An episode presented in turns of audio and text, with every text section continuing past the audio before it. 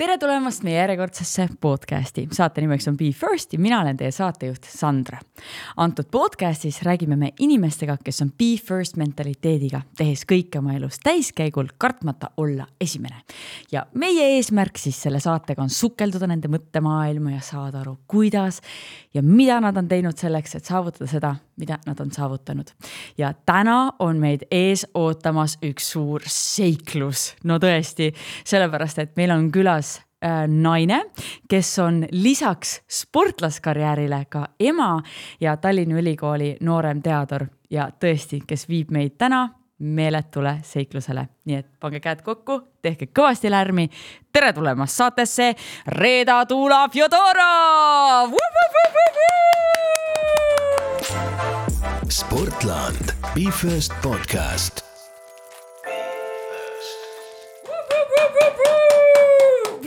kniks, kraaps, kummardus kuule, ma saan aru, et sulle peab ikka päris korraliku aplausi praegu tegema, sest et no ma saan aru, et sa jooksid praegu siia stuudiosse otse arvuti tagant selleks, et saata ära mingisugune artikkel. ja mitte nii ajakirjanduse artikli, artikkel, aga teaduslik artikkel nojah, need on need näited elust enesest. kuidas kiire eluviisiga multitasking käib, et äh, hommikul äh, pidin alustama eh, siis eh, kiireloomulise ülesandega, oli vaja artikkel ära puhastada, mis läheb teadusajakirja ja eh, siis üle käia kõik kommentaarid ja täiendused, mis olid ka tulnud keeletoimetusest. ja ma otsustasin mitte ennem siia tulla, kui mul see on tehtud ja saadetud. no muidugi mul oli teisi ülesandeid või mõtteid, mida ma tahaks teha ennem, sest esimene september ja lapsed läksid kooli ja ma lihtsalt nägin, kuidas nad läksid ja nad tulid sealt aktuselt, sest ma ju istusin arvuti taga ja tegelesin selle artikli teemaga.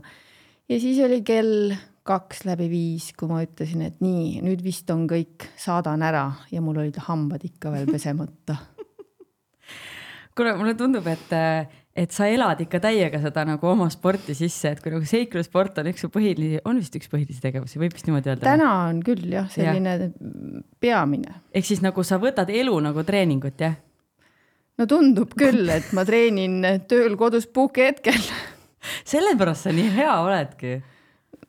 jah, enesele teadmata võib-olla tõesti kuule, aga äh, ma tahan, äh, tähendab, me hakkame rääkima seiklusspordist ja sellest, kuidas sa selleni jõudsid ja mida sa üldse praegusel hetkel teed ja mis värk selle teadusartikliga siis ikkagi oli.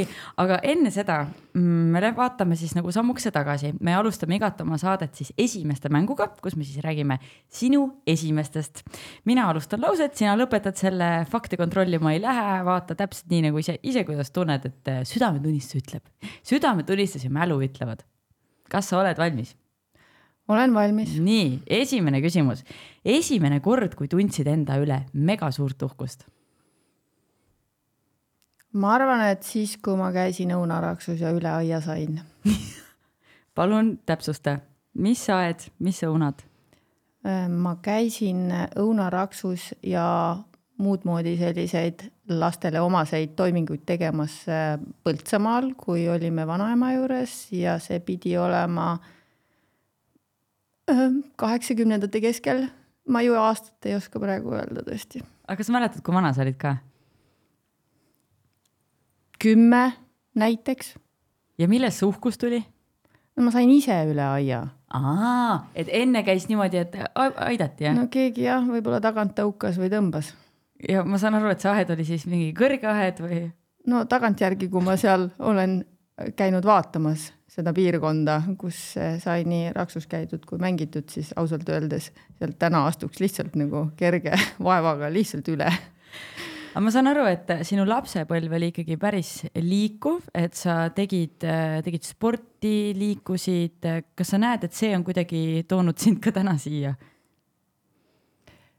ma arvan, et ma võingi süüdistada seda äh, suusatrenni minekut et kuna see on ju niivõrd mitmekülgne tulenevalt sellest, et äh, on neli aastaaega, millest võib-olla ühel on lumi, siis äh, ega tolleaegselt äh, me tegime kõike, kaasa arvatud ühiskondlikult kasulik töö. rääki-, rääkimata kõikidest nendest aladest, mis siis oli, ma mäletan hästi nendest suusalaagritest, kus me noh, ikkagi, kui me veel lapsed olime, sihuke kümme ja peale, siis olid õhtused äh, loovetlused, kus me pidime ka mingit teatrit tegema või ma ei tea, laulma mingisuguseid äh, noh, selliseid äh, pigem äh, Äh, mittesportlikke tegevusi samamoodi noh, osa võtma või, või ise välja mõtlema. et, et noh, see selline mitmekülgsus on tulnud sealt kaasa. Kui vana sa olid, kui sa teadlikult äh, trenni hakkasid tegema? ma mäletan ise seda, et ma suusatreeningutele hakkasin osalema kolmandas klassis.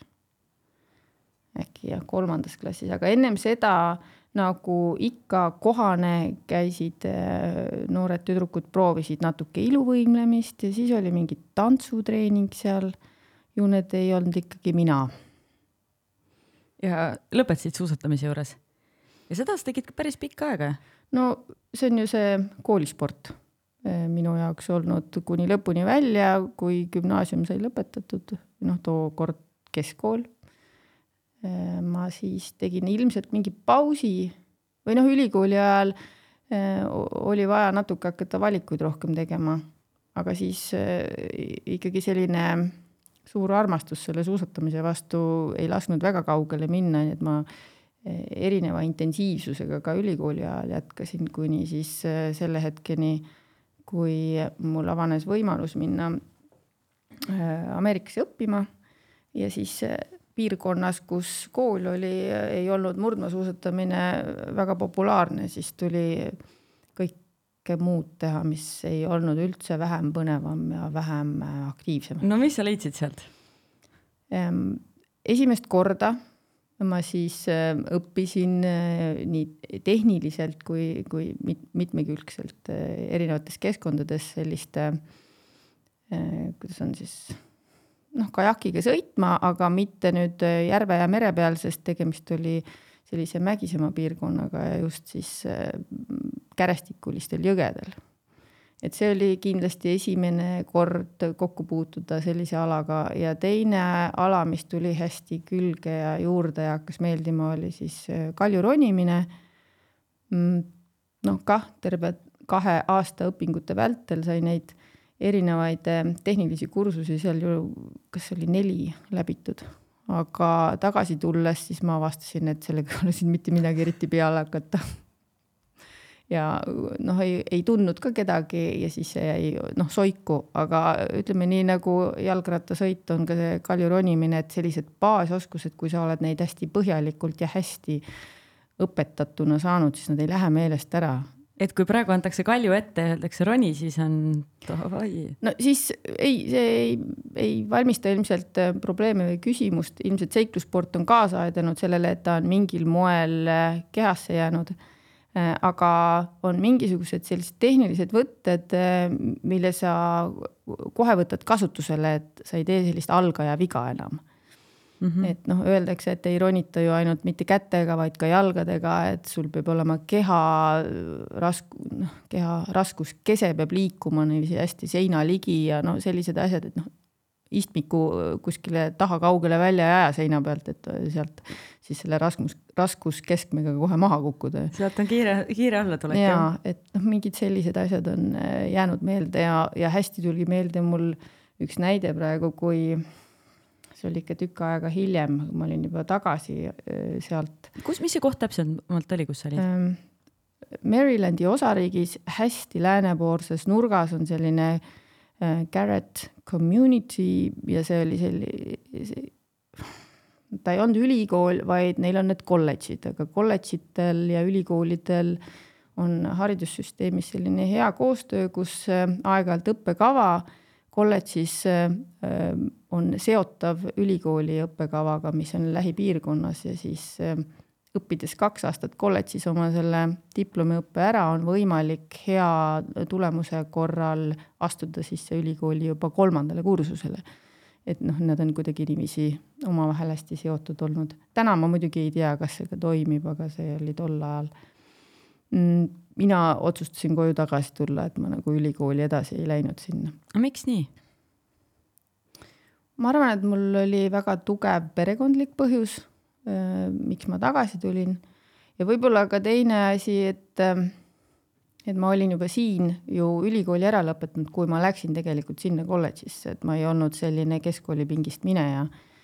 mingisugune teadmine või, või mõte või, või selline kriitiline hinnang oli. Ja tagantjärgi ma noh, oskan seda ka niiviisi kirjeldada, et kui ma oleks sinna ülikooli läinud, siis ma ei oleks ilmselt ka tagasi enam tulnud.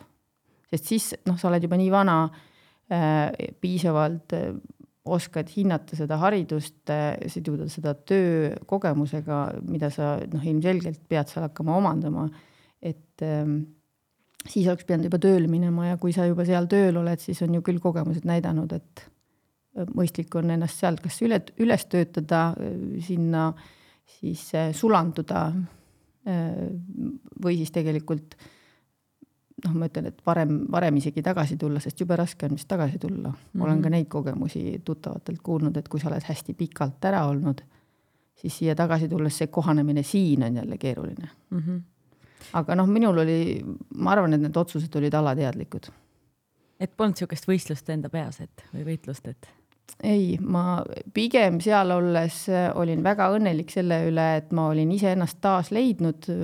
elus oli äh, Mm, ja perekonnas oli juhtunud selliseid traagilisemaid juhtumeid, mis, mis olid natukene mind äh, rajalt nagu maha võtnud või, või ma olin suhteliselt keerulises äh, läbisaamises iseendaga ja sinna minnes siis oli nagu see, see avanemine või, või äh, pirn lõi põlema ja, ja ma leidsin nagu iseenda üles, kuna kõik see, mis seal pakutud oli, oli täpselt see, mis oli vist kehale ja hingele vaja ja noh, täna siis on tulemused näha, et, et ilmselt ma leidsin õige koha endas ülesse. mis, mis see segadus oli ja ma ei tea, kas sa tahad sellest rääkida, sa ei pea nagu detaile rääkima, aga milles see segadus nagu väljendus? kas see oli füüsiline, kas sa tundsid, et sa olid kuidagi läbi põlenud, kas äh, sa ei teadnud, äh, mida edasi hakata tegema, et, äh, et sest, et miks ma seda küsin, on see, et ma arvan, et väga paljud on kuulnud ja võib-olla ise öelnud, et ma olen seda lauset, et ma olen enda ära kaotanud. et ja, või võib-olla inimeste jaoks on natuke erinev, et mis see sinu jaoks tähendas? see, millele ma viitasin, tegelikult äh, on seotud ühe sündmusega ja nimelt äh, mul oli emal üks hästi kurvalt juhtunud autoõnnetus äh, ja kuna meie läbisaamine oli, oli väga hea siis, siis võik-, võiks öelda, et nagu oleks kaotanud hästi olulise inimese hästi olulisel ajal. ja noh, ei osanud sealt nagu ise kas välja tulla ja, ja tagantjärgi noh, on kurb, kurb natuke mõelda, et, et seda oskamatust oli vähe toime tulla noh, kogu perel, et kui tavaliselt hoitakse kokku, siis meie lagunesime just laiali, et ilmselt see selline äh, perekonna tugisammas kadus ära mm. -hmm. ja no siis oligi lihtsalt lost, ma mäletan, noh, kui lühidalt öelda, siis see, need paar aastat mm,, ütleme ei aasta, aasta, mis oli vahetult pärast seda õnnetust, siis ega ma ikka väga palju midagi ei mäleta, mida ma tegin, kus ma käisin, et see on selline auk. Ma arvan, et ma olin sellise automaatpiloodi peal et püsiks elus ja teeks kõik kenasti ära ja toimiks, võib-olla väljapoole see ei paistnud niimoodi mm. -hmm. aga tagantjärgi, kui sa küsid mu käest, no kuidas sa siis lõpetasid ülikooli äh, Tartus, ma ütlesin, et noh, ausalt väga ei mäleta, väga ei tea, aga see oli minu bakalaureuseõpingute lõpetamine Tartu Ülikoolis majandusteaduskonnas. ma isegi ei mäleta täpselt, mida ma lõputöös kirjutasin kas äh, see, et sa siis lõpuks läksid välismaale, ähm, sa ütlesid, et see aitas sind, see aitas kuidagi mingeid mõtteid, äh, mõtteid koguda. mis need tegevused olid, mis sind võib-olla kõige rohkem aitasid või kas oligi juba see, et sa läksidki täiesti uude keskkonda? jaa, täiesti uude keskkonda minek, täiesti selline sellest äh, mm, igapäevaselt äh, seda rasket äh, olemist meelde tuletav või sellele nagu rõhku panev äh, olemine. et, et see oli vaja kõrvale ilmselt jätta. ja selle eest ma olen hästi tänulik oma isale, sest ma ei, ma ei usu, et ma ise oleks selle leidnud, vaid pigem oli noh, tema see, kes suunas mind selle kooli õppeinfoga tutvuma, sest algselt oli see kooli kohta käiv info või see selline stipendium, mis pakuti eestlastele üldse välja kuulutatud Ameerika hääles. et see on omamoodi selline, mitte seebiooperi lugu, vaid veidi kummastav võib-olla, kuidas mina taotlesin stipendiumit, et minna Ameerikasse ülikooli. et tõesti, isa helistab, ma mäletan, see oli mingi autosõidu hetk, kus ma kuhugi liikusin, siis ta helistas, et kuule, kuulsin ühte huvitavat saadet, pakutakse stipendiumit ehm, eestlastele ja mingi seiklusspordi instituut või mingisugune spordivärk, et äh, uuri. no kust ma uurin, mäletan, et ütles, et Ameerika häälde. aga teades, et äh, ta kunagi, mitte kunagi isa niiviisi sellise asja peale ei helista või noh, noh, see ei saa olla lihtsalt kõlks, et seal pidi mingi tagamõte olema, et ta sellise teavituse mulle tegi, siis see tuleb, tuleb ikkagi uurida. võtsin siis, helistasin Kuku, Kuku raadio või kes see seda Ameerika häält meile üle kandis, helistasin sinna, uurisin selle järele, sealt anti mulle kontakt Washingtonis Ameerika hääles, helistasin sinna, sealt anti mulle kontakt äh, Ats Joorits, et tema tegi reportaaži Äh, rääkige temaga, siis võtsin Ats Joritsega ühendust, kelle käest ma siis sain info ja niiviisi hakkas sealt siis kerima, see oli niisugune üle poole aasta kestev protsess. ja, ja selle tulemusena siis sai ähm, kandideeritud, ähm, sain siis stipendiumi osaliseks äh, ja natuke rohkem kui poole aasta pärast äh, lendasin. Ja lendasin kipsis käega, sellepärast et ma olin kaks päeva ennem suutnud mm, lumelauda sõita ja no niiviisi kukkuda õnnetult, et selle käe kipsi ja siis mäletan ka seda hetke, kui ma esimest korda sinna läksin, siis oli kuidagi kerge äh,, ma ei tea, häbi või pettumus, et et kas tõesti tuled nagu siia Seiklus. sellisesse äh,, sellisele õppekavale ja juba oled katki? Et millised on võimalused kas see oli, see oli veel see aeg, kus sa said tõsta käed üles öelda, ma tulen Ida-Euroopast? ja siis nad olid nii okay.. no kaks tuhat üks aasta, ma ei mäleta, esimene oh,. jumal, siis küll ei olnud enam. teine, kolmas, neljas siis. jaanuar, mis iganes jaanuar see oli, onju. siis enam ei olnud. siis muidugi. enam nii ei olnud, aga, aga meil ei olnud ju siis noh, selliseid ähm, messenger'e ja, ja toredaid äh, sotsiaalmeedia võimalusi, et, et kõik käis ikkagi kas äh, mingi emaili või, või telefoni teel. faksi veits jah? ja, ja siis seal olles ma mäletan ikkagi nädalas korra siis läksid sinna telefoniputkasse või mis seal seina peal koolis oli ja telefonikaardi või mingi kõnekaardiga helistasid koju. et äh, ei, olnud niisugust igaõhtust chati või mm -hmm. vaatasid äh, kuskilt Facebookist, mis teised teevad ja mm -hmm. siis kommenteerisid ja olid nagu kogu aeg olemas, noh, see oli ikkagi kaks tuhat üks. Päris huvitav kuule, ma vaatan, et äh, meie see, see vist tahab tulla siin selline rekord äh, esimeste mäng ah.. aga ma küsiks järgmise küsimuse esimene? jah, jah, ei noh, mis ikka, ma olen ühe saate teinudki niimoodi, et oligi ainult esimeste mäng, et rohkem küsimusi ei tulnudki. aga ma tahaks ikka edasi minna ähm, kuna me spordist juba rääkisime ja võistlemisest veidi, veidike vähem, siis mis oli sinu esimene võistlus? Tuleb silme ette diplom, mille peal on tüdruku D-klass.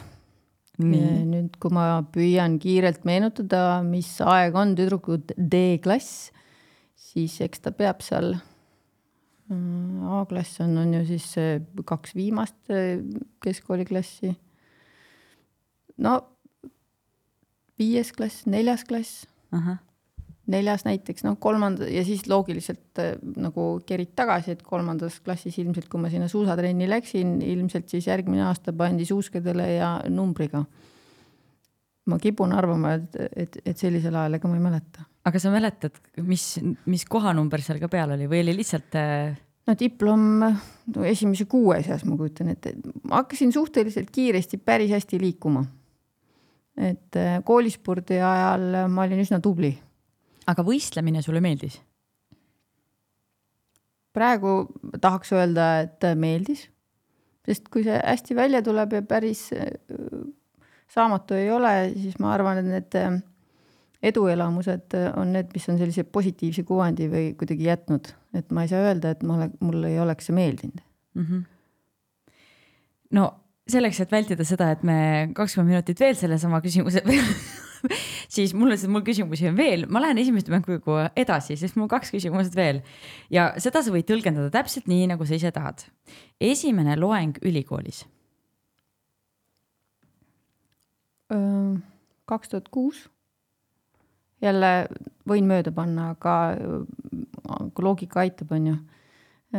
ja või, või seal noh, loeng, kui sa ütled loeng, siis ta pidi olema kaks tuhat kuus, sest ma tean, et ma siis mm, Kaarel Silmer, kes mu ülikooli kutsus, andis mulle sellise võimaluse teha eriseminari, kuna ma olin tulnud Ameerikast koolist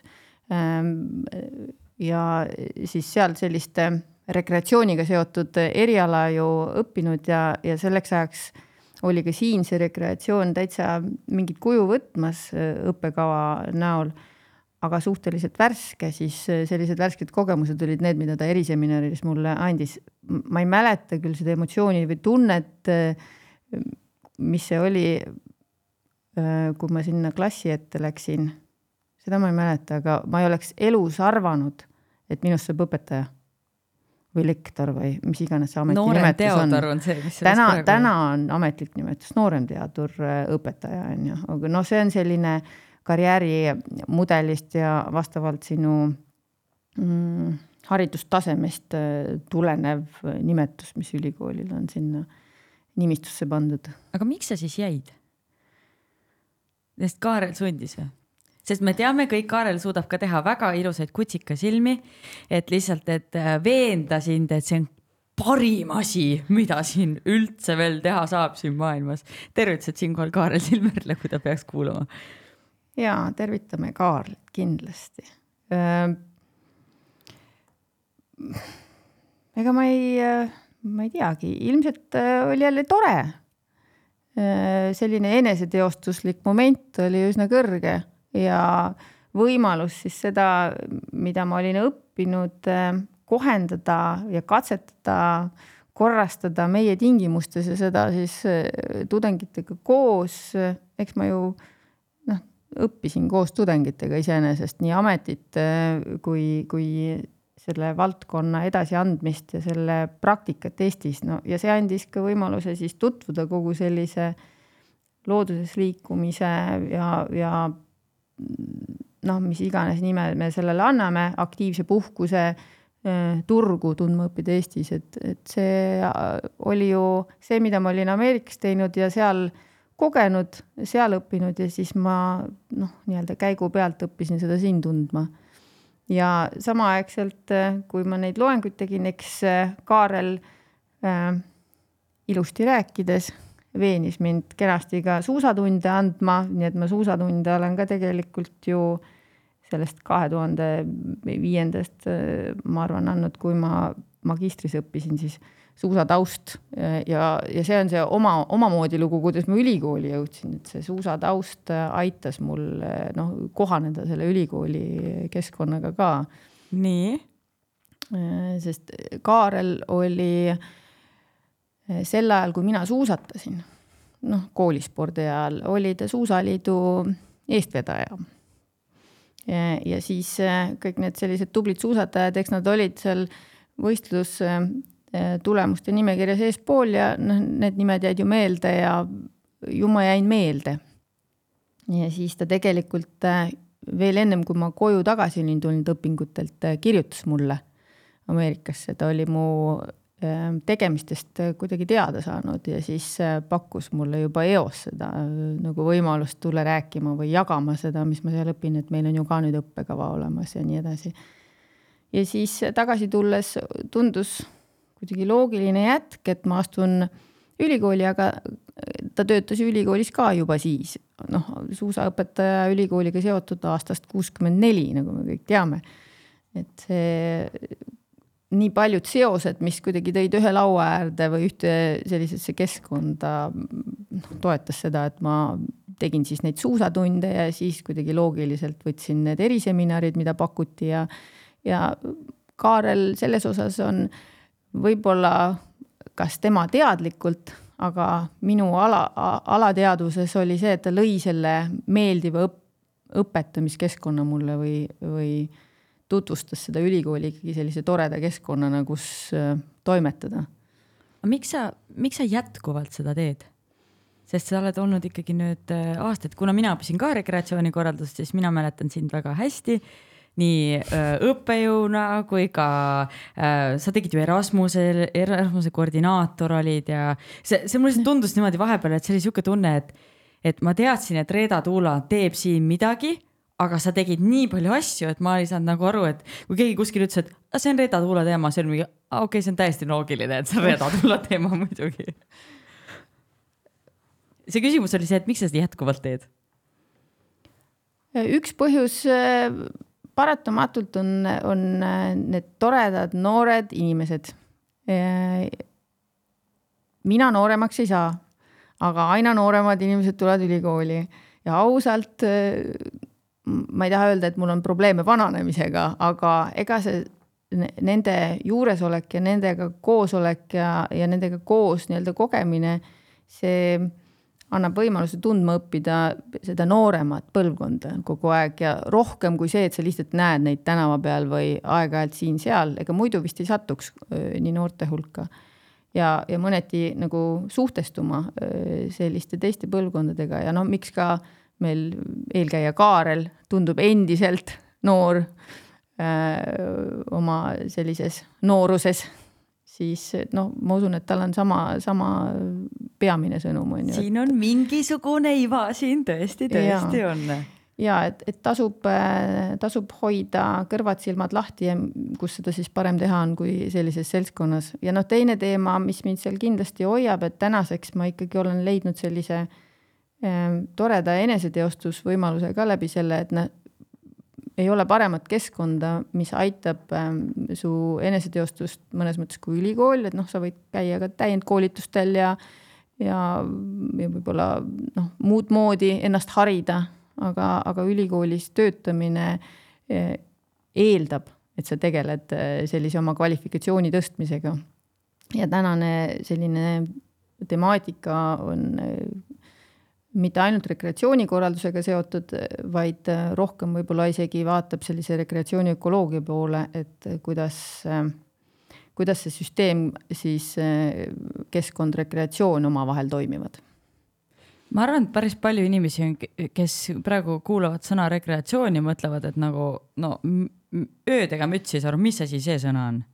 no endiselt on ju kaua me siis juba räägime sellest sõnast ja endiselt on see võõras, kuigi ta hakkab ju nüüd äh, tulema rohkem kasutusse ka mitte ainult nii-öelda vaba aja korraldamise äh, mõistes, vaid ka seotuna heaolu ja tervisega, et äh, noh, nii, nii selline tervishoiusüsteem kui, kui muud tervisega seotud organisatsioonid vaikselt kasutavad seda sõna tasamisi, kas siis Äh, seotud sellega, et on vaja taastuda ja lõõgastuda, eks need olegi vasted, mis selle rekreatsiooni juurde tuua. aga kui mõelda rekreatsioonikorraldust, siis kõige lihtsamini pannes, et keegi korraldab vaba aja mm. -hmm.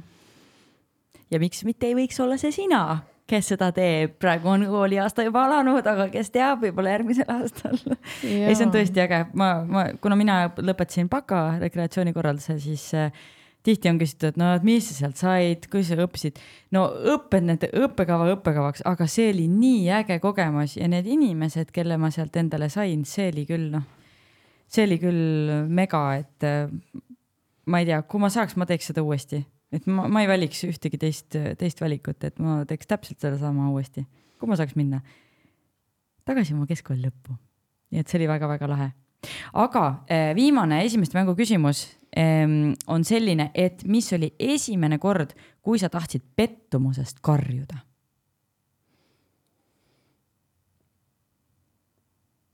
et ma väga selle sõnaga pettumus vist ei eh, suuda samastuda.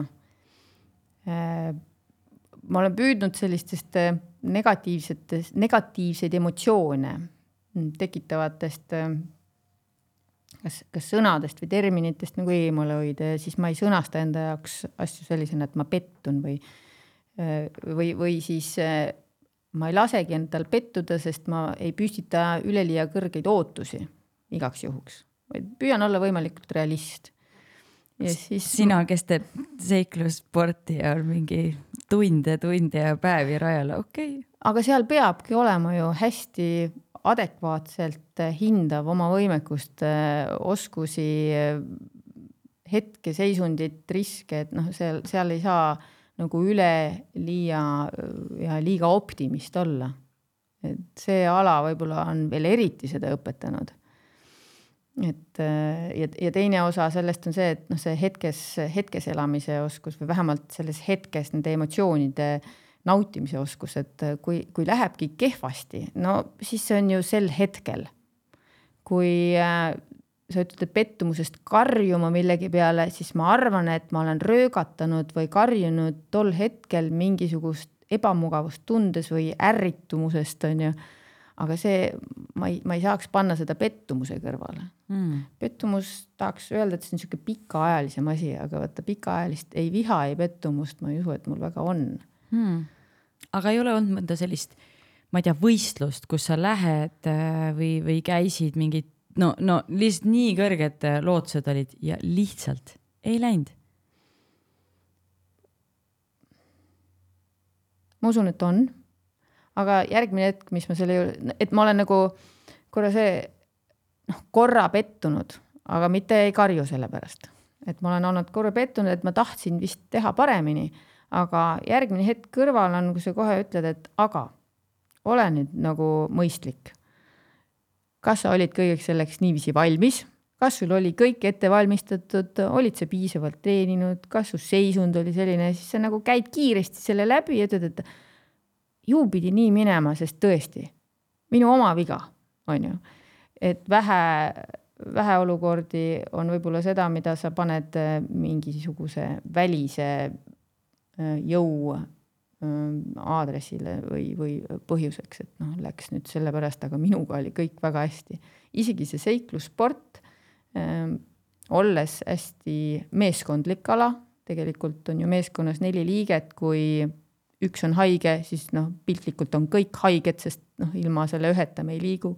kui ühel on uni peal, siis kõigi liikumine sõltub sellest ühe unest. kui öeldakse, et äh, nüüd magame ja sul ei ole und, siis sa tegelikult magad, sellepärast et kõik magavad, see on äh, üks, üks, üks, meeskond, ühed tegevused selleks, et ühtlaselt nagu edasi minna ja selle eesmärgi poole rühtida rühkimine oleks noh, võimalik üldse. me peame ennast ühena võtma, nii et äh, jah, ka siis ma ei ütle, et see on kellegi teise süü, kui seal midagi halvasti läheb, sest ilmselt noh, me ei toiminud sel korral hästi meeskonnana, ilmselt oli meil äh, kas midagi puudu. aga kui sa näed näiteks, et oli kellegi süü, kuidas sa selles olukorras äh, reageerid? siis meeskonnana me ei lahendanud seda õigesti.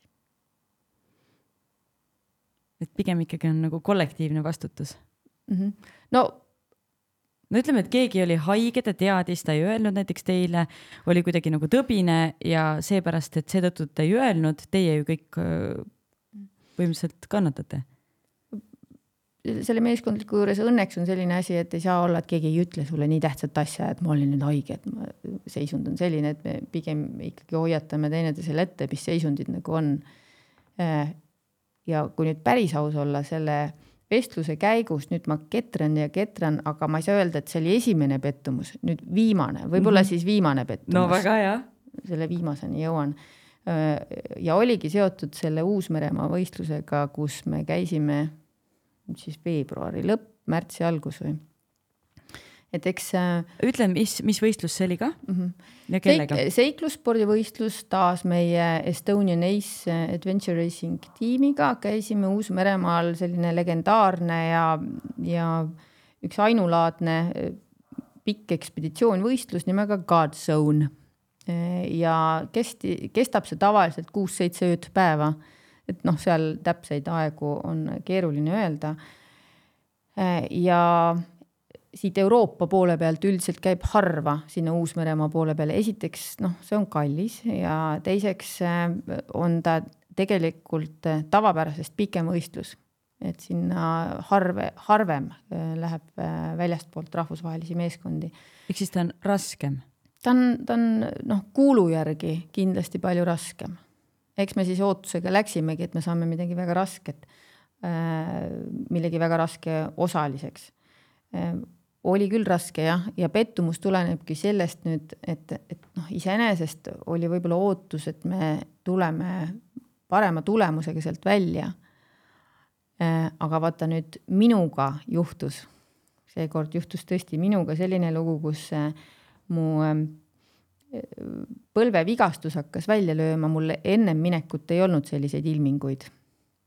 ja kuskil võistluse kolmekümnendal tunnil või noh, üsna seal alguses, äh, siis hakkas ikkagi nii valus, et, et lähed nutuga Äh, aga sul ei ole ühtegi hetke sellist, et sa mõtled, et ma nüüd katkestan, seal hambad ristis ja sööd neid valuvaigisteid eritüübilisi ja no teed mida iganes, et see sinna lõppu jõuaks, sest maailma teise nurka ei minda sellepärast, et katkestada. aga no pettumus ikkagi oli selles, et no kuidas on võimalik, et selline nii kaua oodatud äh, selline pooleldi unistusvõistlus siis nüüd sellepärast, et minu põlv hakkas valutama läheb untsu.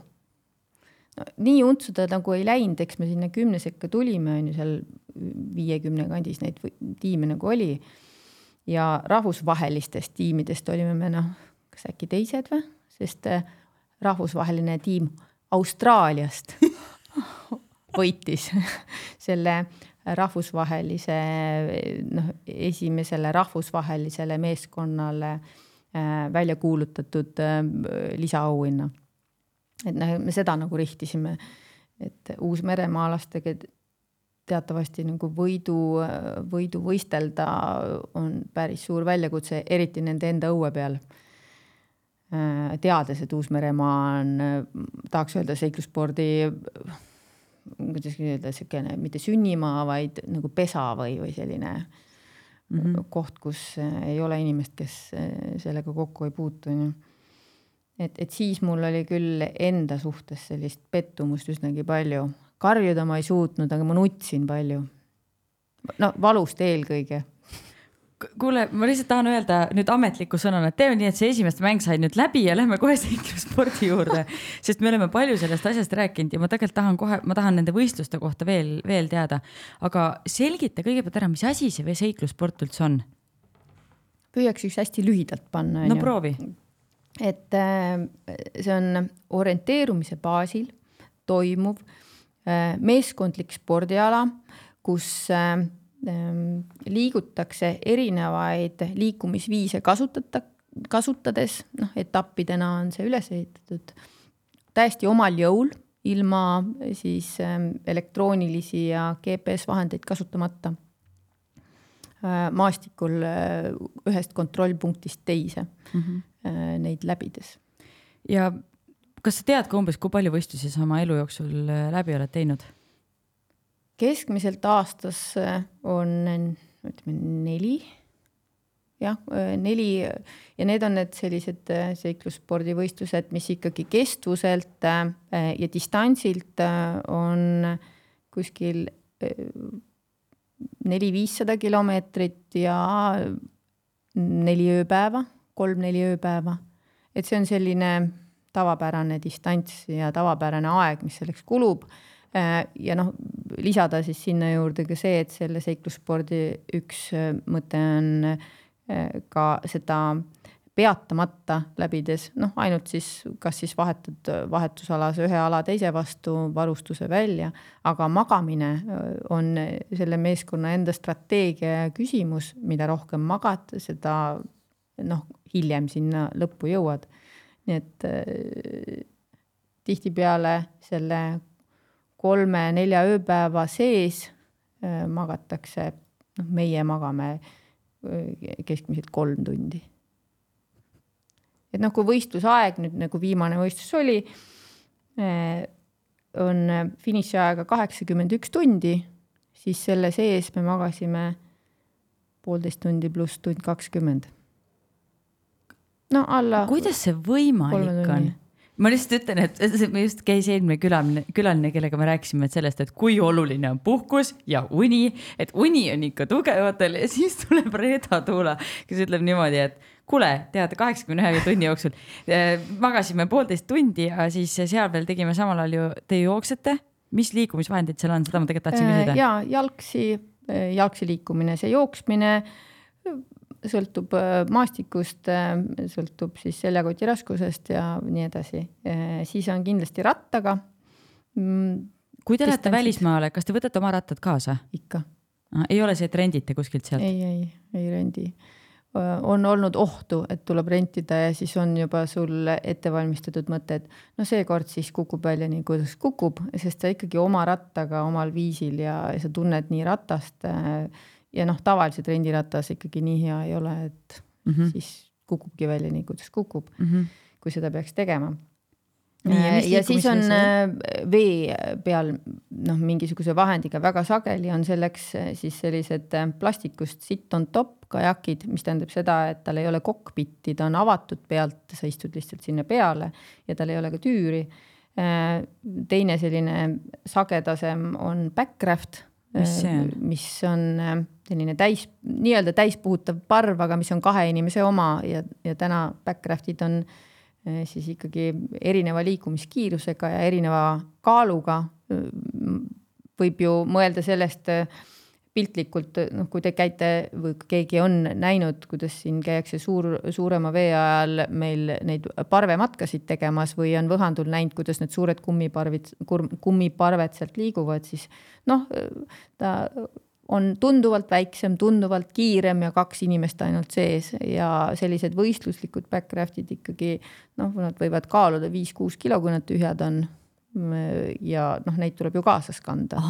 et need peavad olema, kas need kajakid peavad ka kaasas olema endal või? Need plastikust ei pea, kõik, mis on äh, selline äh, noh, jah, kas plastikust või, või klaasfiibrist, need päris kajakid, et need on ikkagi korraldaja poolt mm -hmm. antud sellele võistlusele osalejatele. aga kui on backraft'i etapid, siis vaat backraft'id, need täispuhutavad ähm, parved peab küll iga meeskond ise kaasas tassima. okei okay,, neid peab siis olema kaks, kui teil on tiimis neli inimest? jep ja tiimis, kas ma olen õigesti asjast aru saanud, et äh, üldjuhul on nii, et sul on, peab olema üks teisest soost võistleja? Äh, jah. et kui sul on näiteks kolm meest, siis peab olema vähemalt üks naine, kui on kolm äh, naist, siis peab olema vähemalt üks mees. ja kas see kõik kategooria on nagu, kõik võistlevad sama, samas kategoorias? eks erinevad võistluskorraldajad võimaldavad äh, neid formaate erinevalt, aga kui me räägime sellest äh, nii-öelda maailmasarjast, osavõistluste kvalifikatsioonsarjast, kus äh, siis püütakse iga kord osaledes võitjana saada omale auhinnaks MM-il osalemise tasuta koht, siis seal on väga konkreetne reglement ette kirjutatud ja ka selle seiklusspordi maailmameistrivõistlustel on konkreetne selline tingimus, kus peab olema üks vastassoost, vähemalt üks vastassoost liige mm. -hmm ja on ka olnud äh, selliseid kordi, kus, kus ei ole võimalik leida võib-olla noh, kõiki, kõiki äh, vastavalt tingimustele, siis muidugi võib olla sul kaks meest ja kaks naist ja võib-olla ka kolm naist ja üks mees tõesti, aga tavapärane on ikkagi üks naisliige ja kolm meesliiget, et, et naisterahvaid äh, harrastajana ka sellel spordialal on noh, tunduvalt, tunduvalt vähem mm. -hmm aga, aga kui on eh, mitte nüüd sellises maailmakarikasarja nii-öelda kvalifikatsioonsarja võistlused, siis sinna kõrvale võib korraldaja lubada ka neid, kus on neli meest või on ainult kaks liiget, selleks et tal oleks neid osalejaid seal mm., kui tal on eh, võimalus eh, seda osalejate arvu noh, tõsta või, või et tal osalejaid oleks rohkem selleks, et see asi nagu korraldamist väärt ka oleks ja tasuks nagu ära, siis siis ta teeb selle klassi lahti, aga nad siis ei lähe sellesse arvestusse mm, -hmm. kes püüavad seda peaauhinda nii-öelda kätte saada. issand jumal, mul tekkis lihtsalt mingi miljon küsimust korraga sulle, mida isegi mul ei ole siin, ma vist võin selle iPad'i lihtsalt kaugele lükata. räägi, mismoodi see süsteem siis üldse toimub? maailmameistrivõistlused, siis on mingid kvalifikatseerumise võistlused. mismoodi see süsteem üldse toimib?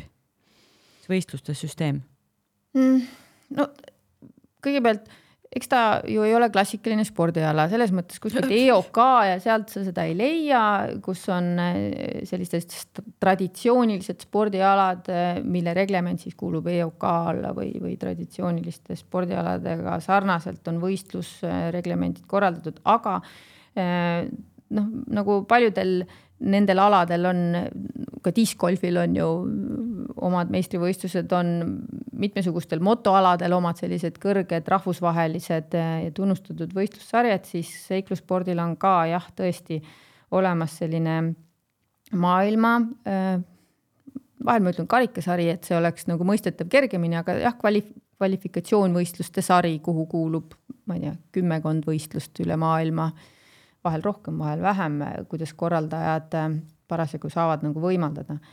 Äh, ja siis on ka sellel alal oma maailmameistrivõistlus hooaja lõpus olemas, äh, kuhu siis kõik püüavad ja pürgivad saada, kes veidigi sellise võistlussportliku väljundiga seda teevad.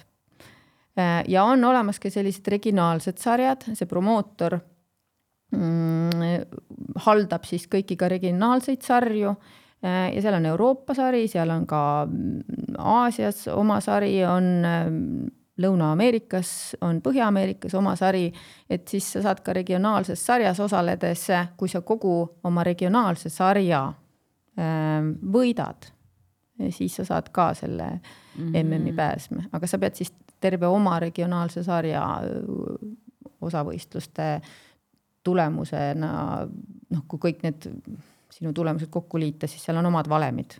ei, ma neid tea, on ju. aga jah, siis, siis äh, saad sa seal ka seda MM-i äh, osavõtu äh, piletit nagu välja lunastada. no sina oled MM-il käinud ja see, kui ma ei eksi, kas see oli kaks aastat tagasi? ma ikkagi suht iga aasta nüüd niikaua kui mina olen käinud, oleme, oleme sinna. oi, mul on valeinformatsioon, ahah, aga ma räägin tegelikult sellest äh, hõbemedalist. ütleme see... siis niimoodi, et äh, sest medalit ju pärast seda teile ei ole tulnud. ei. ahah räägime natuke sellest, äh, sellest hõbemedali saamisest, ma mäletan, see oli ikkagi, oli ikkagi nagu üle uudiste. jah, eks ta oli tõesti võib-olla tulemus, mida on ammu-ammu nagu oodatud ja mille nimel on palju tööd tehtud mina tunnistan ja tihtipeale mõtlen, et, et mina ju liitusin meeskonnaga alles kaks tuhat kaheksateist. Ehk et äh, ma olen seda oma vastupidavussporti kaua teinud, aga siis äh, äh, Estonian Ace'i naisliige vajas nagu vaheldust ja ta soovis, soovis vahelduseks oma elu hakata elama ja siis oli vaja leida asendus, aga noh, ega neid asendusi siin Eestis palju leida ei ole ja minul oli selleks hetkeks ilmselt äh, tekkinud äh, juba vahelduse soov sellest äh, Tartu maratoni neliküritusest või kuubikust. noh, selle kõrvale, et tekiks midagi uut, väljakutset ka ja siis ma avaldasin noh, tugevalt soovi, et ma küll ühe korra elus tahaksin proovida vot sellise äh, tiimiga noh, ühel sellisel tugeval rahvusvahelisel võistlusel osaleda. ma selleks ajaks olin eh, erinevate meeskondadega natukene nagu öö, osalenud erinevatel öö, võistlustel. üks oli siis sellise nii-öelda Euroopa sarja tasemevõistlusega, kus kui korra tagasi põrgata selle võistlussüsteemi poole, siis need Euroopa ja regionaalsed sarjad erinevad sellest maailmasarjast selle tõttu, et nad on lühemad kestuselt. noh, kakskümmend neli, mhm. nelikümmend kaheksa tundi, harva midagi pikemat mm -hmm. ja noh, kakssada viiskümmend, kolmsada kilomeetrit. ja aga noh, need maailma omad tavaliselt hakkavad siis kolm öödpäeva ja neli-viissada kilomeetrit keskmiselt. et siis ma olin sellistel käinud, aga vaat ikkagi süües kasvab ju veidi see isu ka ja soov ennast proovile panna ja siis see oleks järgmine samm olnud. ja noh, ilmselt see oli selline hea kokkulangevuste aeg, kus Mariann soovis välja astuda ja mina olin parasjagu soovimas proovida, nii et mind võeti kenasti meeskonda vastu. Mm, ja noh, kuna mul oli see vastupidavusspordi taust olemas, ma olin seal Tartu maratoni üritustel ja suusamaratoni üritustel piisavalt juba ennast näidanud, et ma ikkagi kestan mingit moodi. ja veidi teinud ka seiklust ka, et siis, siis ei olnud kahtlust, aga et meil nagu nii hästi läheb ja et ma olen öö, peaaegu et nagu valmis toode, et mind ei pea kasvatama ja koolitama kuidagi. et, et see võib-olla toetas seda kiiret arengut ja sellist kiiret hüpet ka sinnani, et et nii kaks tuhat kaheksateist aasta võistlused ähm, ei läinud halvasti, aga, aga ei, ei andnud nagu veel seda, seda tulemust, aga selline kvalitatiivne hüpe või tulemuste selline parem esinemine siis tuli sellel tõesti sellel MM-il, mis oli äh, Hispaanias ja, ja päädis see siis teise kohaga ja tõesti nagu võib-olla endale ka ootamatult on ju sa ütlesid, et äh, te nägite või tähendab, te tegite hästi palju tööd selle jaoks. milles see töö väljendus? või mis sa pead selle all silmas? meil meeskonnana küll ei ole sellist äh, võib-olla rutiini või harjumust, et me käime koos treeningutel. seda küll ei ole, aga kui on võetud eesmärgiks või kui sa tead, et ikkagi suurem ootus tiimil kui mm, ühtsel äh, sellisel seltskonnal on juba, juba hästi esineda, siis ega sa hakkad ju ise oma treeningute ja valikute ja võistlustega rohkem vaeva nägema. ja eks sai osaletud siis eh, rohkem eh, erinevatel võistlustel, mis oleksid toeks ja abiks. selleks, et see mm hästi välja kukuks. mis, mis sa tegid täpsemalt? me, ma mäletan, et me ole, olin ennem käinud ja siis ka selleks sai Hiinas võistlustel käidud, et noh, kuidagi see toetas seda ja ma usun, et ma suhtusin lihtsalt tõsisemalt ka kõigile teistele, teistesse võistlustesse, millel, millel ma otsustasin osaleda, ega siis nagu treenida rohkem väga palju ei suuda, aga lihtsalt olid nagu tõsisem ja mõtestatum, noh, täna ka proovid. täna sinna selle nii-öelda treenimise juurde käib, nagu sa ütlesid, see eelmine esineja siin ütles, ikkagi puhkus ja, ja see realistlik hinnang, kuidas sa taastud ja kuidas sa vastu pead.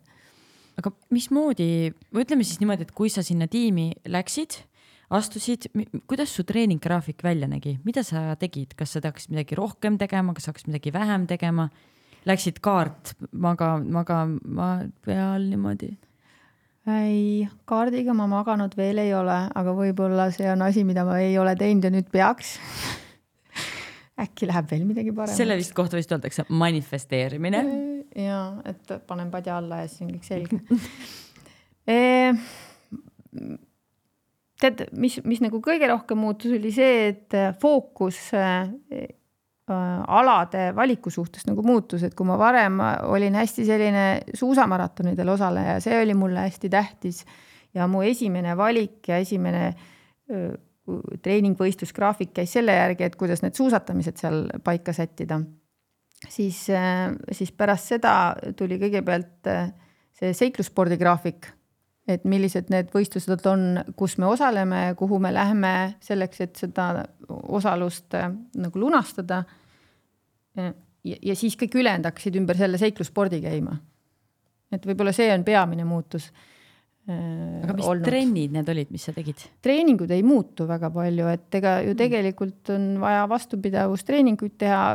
ehk siis jooks, aga suusatamine ka ikka ratas? ja noh, kõik, kõik samad asjad jäid, aga, aga võib-olla no ja tulidki need võistlused juurde, aga see korrigeerib, need, need seiklusspordivõistlused korrigeerivad sul ka teisi võistlusi ja teisi treeninguid, sest pärast ikkagi sellist pikemat võistlust vajad sa nagu pikemat puhkust ja siis on vaja vaadata, kuidas, kuidas keha taastub, et ja millega sa saad alustada mm. -hmm. ja sõltuvalt siis sellest sai ümber, aga, aga sisuliselt või noh, alade mõistes ei ole, et ega me ei, me ei treeni magamatust äh,. iga seiklusspordivõistlus, ka need Eestis toimunud ekstriimid olid väga hea ettevalmistus äh, kõiksugu rogainid või ratta orienteerumise, need pikemad võistlused, noh, neid, neid püüad ikkagi võtta ja kuskile sättida, sest see ongi treening, iga võistlus sai olema treening, enam ei olnud nagu, et sa treenid selleks, et ükskõik millisel võistlusel käia,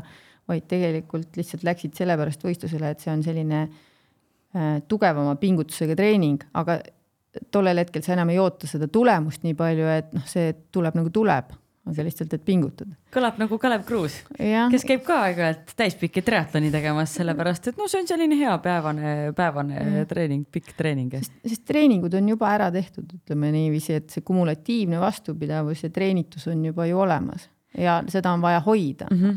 okei okay,, füüsis, see on nagu üks treening mm -hmm. ja sa, no sul peab olema väga hea vastupidavus äh, sellel, sellel alal kohe kindlasti. aga no teine asi on see vaimne vastupidavus kuidas, kuidas, kas te treenite seda ka veel kuidagi eraldi või kuidas sa selle nii tugevaks oled saanud? sest ma, ma ütlen ausalt, ma ei kujuta ette, et olla sad-, see hõbemedal, mis teil, mis teil seal tuli, see oli sada tundi, mis te olite rajal ju. Mhm. jah, jah mulle tundub, et siin on väga palju tegemist sellise isikliku või individuaalse sobivusega, selle ala sobivusega sinu süsteemi, et, et äh, mulle see sobib. Ja mina saan hakkama, ma saan selle magamatusega hakkama, ma saan ähm, selle üli ebaregulaarse söömisega hakkama või noh, see äh, sporditoitumine või toitumisnõustajad võivad ju kõrvad kinni panna, kui kuulevad, mis me teeme või kuidas me teeme ja, ja see, see ei ole midagi normaalset, mis sealt ju sisse aetakse ja pika aja vältel ja kuidas siis pärast sellest välja tulla või, või kuidas tagasi saada mingisugusesse rutiini või rütmi, et, et äh, et see on nagu keeruline, aga äh, mu organism tuleb äh, toime nii magamatuse kui selle ebanormaalse söömisega. ja kui sa tunnetad, et sa saad sellega hakkama, siis see on juba pool võitu ju, see annab sulle sellist enesekindlust. aga teine pool asjast on ilmselt see tolerantsus või kannatlikkus äh, ja oskus nagu igasuguses situatsioonis äh, hästi nagu toime tulla ja rahulikuks jääda, et noh, meeskonnas ja seiklusspordis, noh, see ju ütleb kõik, et seal ei ole teada täpselt, kuidas läheb või kuhu sa lähed ja mm, -hmm. ja mhm. mis sind seal ees ootab. et, et sa, sa oled nagu hästi avatud meelega ja seda mul ilmselt nagu on piisavalt mm. -hmm. ja tänu, kas ta on siis noh, üks aitab teist, nokk kinni, saba lahti, aga, aga iga kord ma tunnen, et seiklusspordivõistluselt tulles, ükskõik kuidas see läinud on, siis sa kodus ka sellise väga rahuliku meelega, väga keeruline on sind närvi ajada, väga raske on laste peale vihastada, pettumusest karjuda ei oska. Ja no, sest see kõik tundub nagu selline mitte tühine, vaid noh, ei ole vaja ennast raisata. Mm -hmm.. noh, ja nii on, et, et, et see on nii, vaimselt kui... nagu kui tahate olla paremad inimesed, rahulikumad, siis palun hakake tegema seiklussporti, sest et ilmselgelt see paneb nagu mingisugused äh, perspektiivid äh, paika. ei, ärge tegema küll hakake, lihtsalt mõelge, et ka nii saab. Kas inimesed suudavad niimoodi, et nad vaatavad teise peale, mõtlevad, aa, nii saab ka, ilma selleta, et nad seda tegelikult on ise läbi kogenud? Mulle tundub, et see motiveerib äh, vahetevahel inimesi, kui nad noh, ikka ju motiveerib, kui sa näed, et keegi teeb, noh küll ma saan ka hakkama, ega siis ma olen ka lihast luust täiesti tavaline inimene, ega, ega must ei saanud suusatajat ju sellepärast, et ma ei ole üliandekas, ma olin lihtsalt rõvedalt töökas. ja noh, mingisugune andekus ilmselt pidi olema, et tehniliselt hästi sõita, aga noh, ei ole mul selles mõttes midagi erilist tuleb olla lihtsalt iseenda jaoks võib-olla äh, eriline inimene või iseendas uskuda, et, et sa saad lihtsalt hakkama, ükskõik mis alal mm. -hmm. kui sa mõtled äh, võistluste peale, äh, mida sa oma elus teinud oled, mis on selline, kuhu sa sada protsenti kindlasti tagasi läheks? Nende seiklusspordivõistlustega mm. -hmm. mulle tundub, et et selliseid noh, need, need põhjused, miks tagasi minna samasse kohta, ähm, need sõltuvad tihtipeale kas selle piirkonna eripärast ja kas see korraldaja, kes selles piirkonnas nagu korraldab ja jälle midagi uut välja pakub, leiab need uued pärlid üles, sest seiklusspordi üks nagu selline väärtus, miks sa seda teed, on see, et sa iga kord satud uude kohta. Et äh, ei ole täpselt sama rada, vaid kui korraldaja isegi kasutab sarnast piirkonda, siis ta teeb seda noh, ikka midagi uudselt leides või teistmoodi üles ehitades, aga sama rada ei tule kunagi et selles osas on nagu keeruline vastata, et, et kui on triatlon, äh, siis tihtipeale isegi on samad rajad, on ju. Nii ujumisdistants, noh ka ilmast sõltub, mis seal saab olema. Äh, asfaldi peal, kas on auke juurde tulnud asfaldi sisse või ei ole ja, ja kas võib-olla jooksurajal tehakse mõned pöörded rohkem, kuna keegi on oma tänava kinni pannud, on ju. aga, aga seiklusspordi jah, üks võlu Äh, seisneb nendes täiesti uutes äh, avarustes ja, ja avastustes. no aga kui sa peaksid valima ühe, mis sul tõesti on noh, nii meeldejääv ja, ja kuidagi südamelähedane, siis äh, mis, mis võistlus see võiks olla mm.? see on nagu umbes, et vali oma laste seast lemmik no enam-vähem niiviisi jah, esitatuna, aga võib-olla ma vastan niiviisi, et korraldaja, kelle poolt korraldatud võistlustel me oleme juba neli korda käinud, on siitsamast Rootsist. et äh, tema selline oskus äh, alguses sellist äh, Stockholmi ümbruskonda ära kasutada, kogu seda arhipelaagi ja äh, ka maastiku äh, maismaa osa oli lihtsalt, lihtsalt niivõrd piisavalt ahvatlev. noh, teine asi, mis sinna juurde käis, oli ka see, et, et sellega ei kaasne sellist ülitüütut reisimise osa, kus sa kaks päeva ainult lendad ja siis passid ja lendad ja passid. Ka see muudab natukene noh, meeldivamaks selle protsessi. mitte, et see nagu üli ebameeldiv oleks, aga selle sa lihtsalt seedid ära ja lihtsalt võtad teadmiseks, et see tuleb üle elada. Äh, ja, ja võib-olla see imekspandav noh võimalus ikkagi uuesti avastada midagi, midagi ägedat selles samas piirkonnas ja nii kodu lähedal, noh nagu, nagu Rootsi ja Stockholmi ümbrus on. ja noh, ilmselt ta toob alati selliseid huvitavaid ja hästi eripäraseid nüansse juurde, et sa lähedki sellepärast, et me teame, et temalt saab midagi oodata, sellelt korraldajalt. aga kes see korraldaja on? Äh, Rootsi selline tore tiim, kellest siis mitmed on ise ka seiklussporti teinud äh, ja oleme ka ühe peakorraldaja Staffaniga äh, samaaegselt võistelnud, küll ta nüüd rohkem oma tervise pärast on korraldusele keskendunud ja nüüd ta on sellise hästi huvitava mm, legendi ka loonud, et äh, kui ta sellega alustas, siis ta oli selline viikingi teekonna otsingutel, ma ei tea legend seal taga. ehk et rootslased kui viikingid ja, ja noh, kogu see bränding oli ka natuke sellega seotud. Ja tänaseks siis, kus me just tulime, oli see võistlus viidud Stockholmist, kus ta noh, juba paar aastat oli teinud Fääri saartele.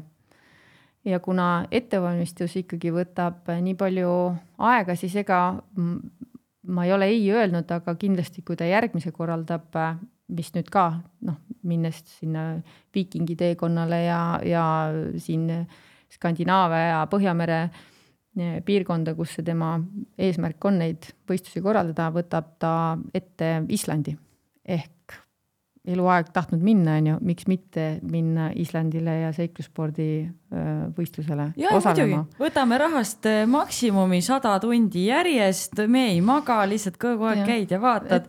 aega ei raiska, kui juba kohale lähed, siis ööd-päevad, ööd-päevad ja kuna võistluskorraldaja ju noh, kuna võistlusel see distants ja aeg on ikkagi mõneti ette kirjutatud, et ta peaks mahtuma mingisuguse teatud ajavahemikku ja distantsivahemikku ja seda ma nimetasin, et see on kuskil neli-viissada ja, ja kolm pluss ööd-päeva. noh, kogu saare saaks võib-olla läbi äh, kõndida ja vändata ja aerutada, on ju. sa mainisid äh, väga kaugeid kohti ja sa mainisid mingi hetk ka seda, et äh, näiteks MM-ile on võimalus tasuta võita siis see pääse.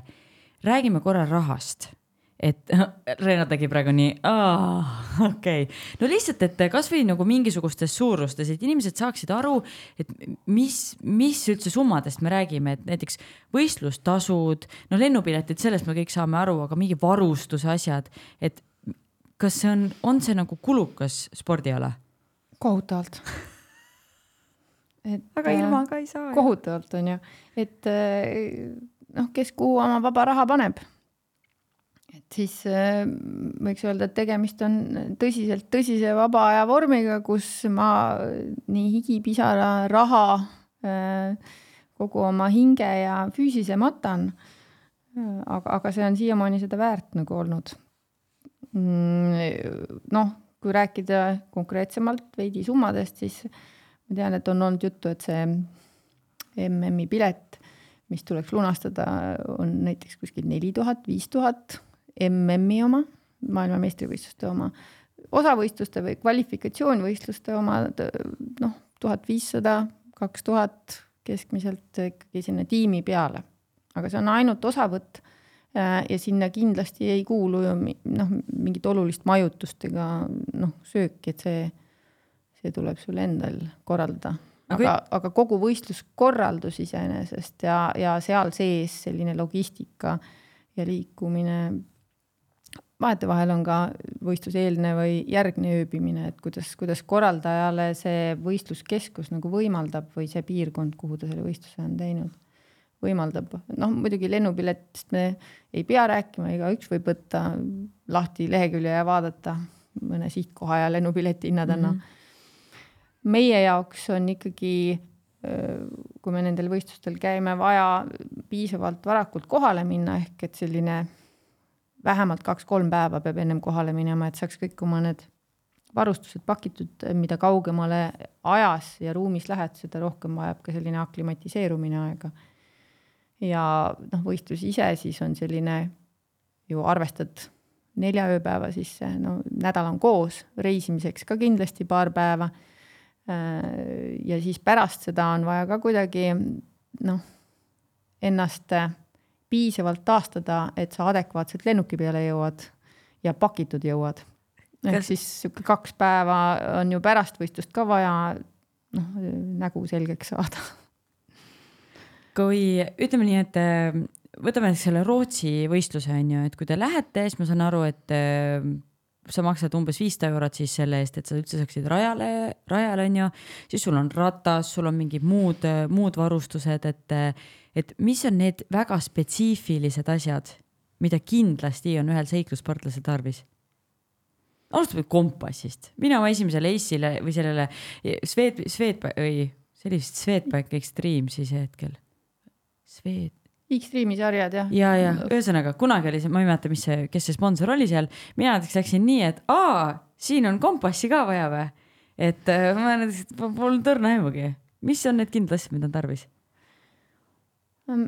minnes meeskonnaga välja, siis tegelikult äh, kõigil kõike ei olegi vaja, seal on jälle võistlus äh, nii-öelda reglement või on kirjas äh, kohustuslik isiklik varustus, kohustuslik tiimivarustus ja siis ülejäänud on selline soovitusliku iseloomuga või siis võistluskorraldaja vastavalt sellele maastikule ja äh, ja eripärale, mida ta saab sisse tuua, paneb seda varustust nagu juurde, et noh, näiteks Fääri saartel, mis oli täiesti nagu tavapäratu, mida tavaliselt ei ole olnud, oli kirka.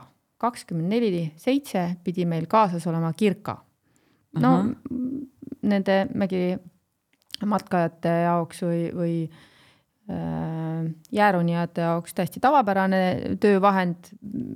meie kunagi pole pidanud sellist siiamaani kasutama, aga see tulenes sellest, et Fääri saartel liikumine nendes ilmastikutingimustes, mis on seal hästi tavapärased, ehk et hästi niiske, kogu aeg on märg, vihmane ja siis äh, need nõlvad, äh, mäed on kõik noh, kogu aeg ongi mingisugused nõlvad, mida mööda sa liikuma pead, et kui sa sealt ükskord kukud ja liikuma hakkad, siis tihtipeale ei saa ilma pidama, et on eh, ohutuse mõttes vaja kasutada seda kirkat enda pidama saamiseks.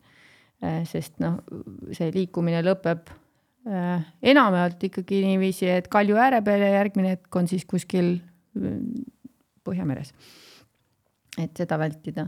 et see kirka oli näiteks selline, vaatasin ja otsisin kirkat noh, alla sellise, selli-, selline, mis kaaluks ka seda, et sa kakskümmend neli seitse seda tahad kaasas tassida, tõesti ratas, jalgsi ja paat, siis äh, no alla üheksakümne euro ei saa.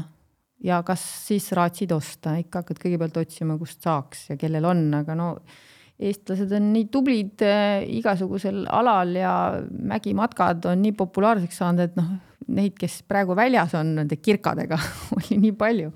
noh, õnneks me siis ikkagi noh, leidsime ilma, et oleks pidanud ostma, aga no sa pead alati arvestama, et kui tuleb mingi niisugune X varustus, siis noh, kust saad ja kas pead ise ostma mm. -hmm. no see oli ka näide on ju, noh, niisugune, mida tavaliselt hiljem ka vaja ei lähe.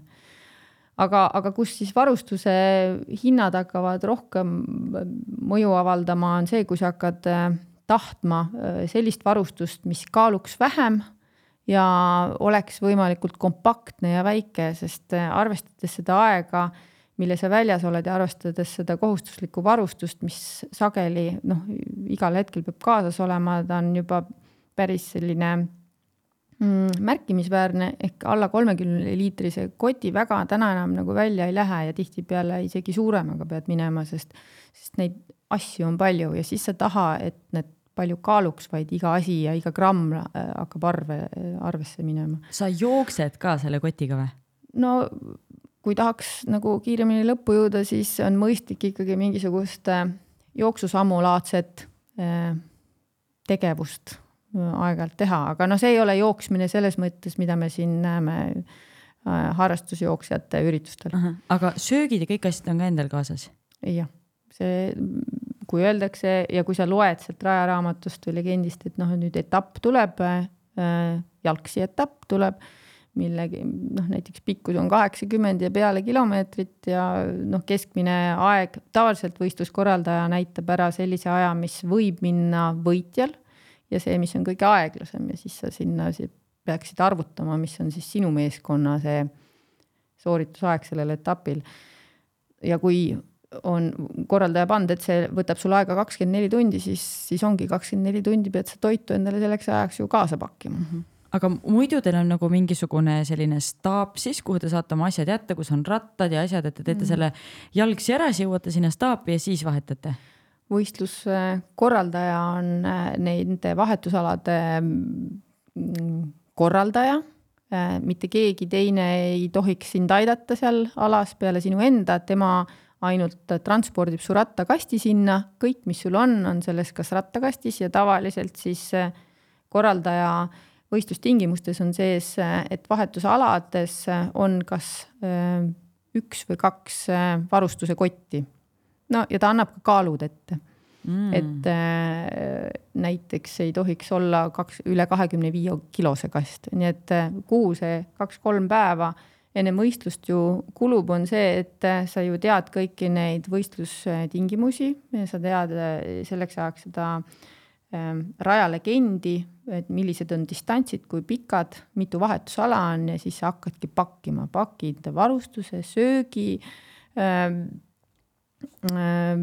jalanõud mm, -hmm. erivarustused, kõik see tuleb ette valmistada vastavalt äh, siis sellele rajalegendile ja siis hakkab äh, varustuse äh, kastide nagu ülekontrollimine kaalu mõttes ka veel, et äh, kui võistluskorraldaja ütleb, et kajaki kott, kuhu lähevad siis kõik äh, nii-öelda aerud, äh, päästevestid või isegi need backraft'id, siis see ei tohi üle kolmekümne kilo kaaluda, siis äh, ausalt, ega sinna midagi noh, muud väga ei saagi panna. seepärast, et kõik see varustus kaalubki juba piisavalt palju.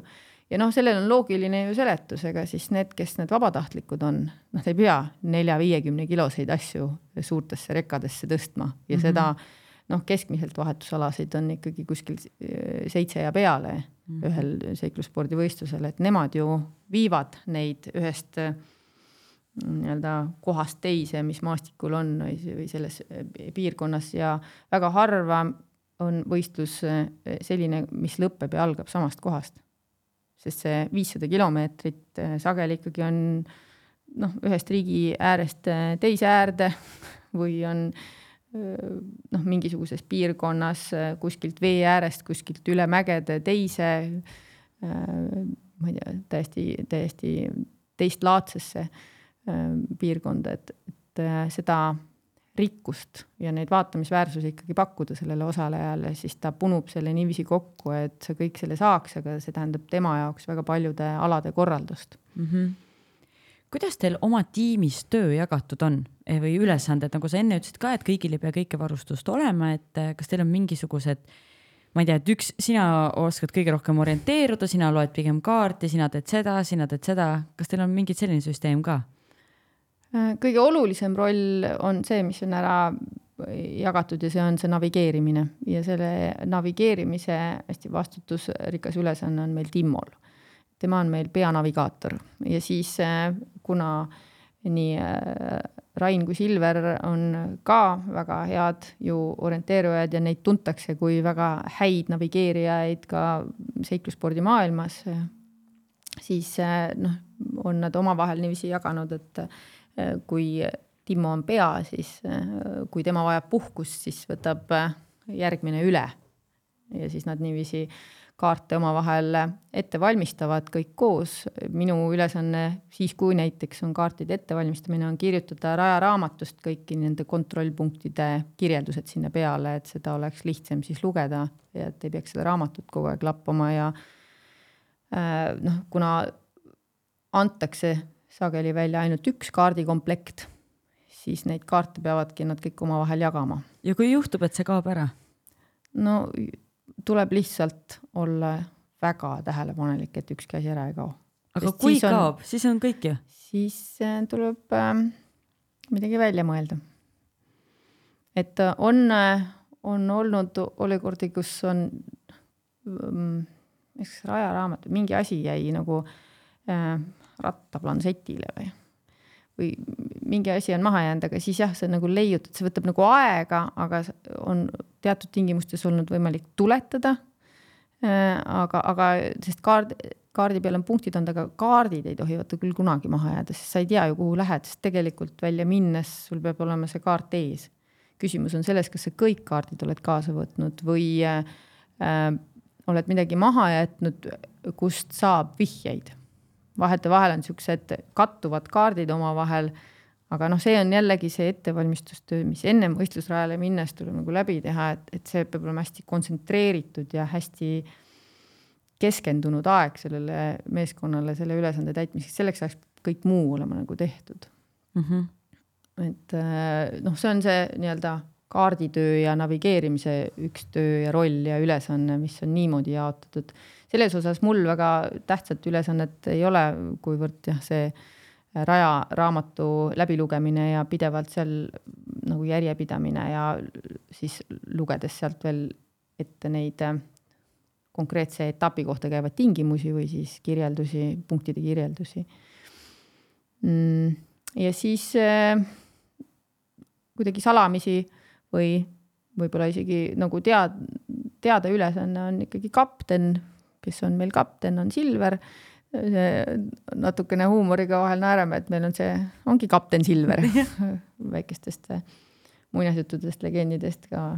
et, et tema on selline esindaja, kes läheb äh, kaptenite koosolekule äh, eelkõige ja siis äh, kuulab need tähtsad jutud ära ja pärast käib ja annab oma intervjuud, kui võimalik, noh, selline hea jutuga mees, täiesti väärt rolli ja noh, kuna ta on ka üks kauem oli, ma ütleks, et asutaja lausa on ju sellele tiimile, et siis äh, ma ei oskaks ka öelda, kes see kapten nagu veel olla võiks mm. -hmm. kui see, kes on äh, algusest pidanud alates seda vankrit vedama mm,. ja siis äh, mina olen lihtsalt ilus, on ju vot seda ma ei usu et noh, ega nemad ilma minuta ei saa sest äh, üks naisliige peab olema äh, ja täidan oma nii-öelda antud rolli äh, läbida ja olla võrdväärne partner kõigile. No ma lihtsalt vahepeal vaatasin kella, mõtlen, et okei okay,, see liigub nagu väga liiga kiiresti ja mulle tundub, et me peame ikkagi, sest seiklusspordi kohta tegelikult rääkida oleks veel väga palju, me peame tegema eraldi teemasaate seiklusspordist, sest ma ikkagi tahaksin natuke veel sinust ka rääkida. ja ma kujutan ette, et paljud inimesed, kes praegu kuulavad, mõtlevad, lihtsalt küsivad okei okay,, me saame aru, et sa nagu liigud värskes õhus ja see on äh, väljakutse ja, ja sa teed nagu ma ei tea, sa, sa oled nagu mingisugune areng, aga ikkagi kipub pähe tulema see küsimus, oota, aga miks? miks seda kõike? sa võiks ju lihtsalt minna matkama.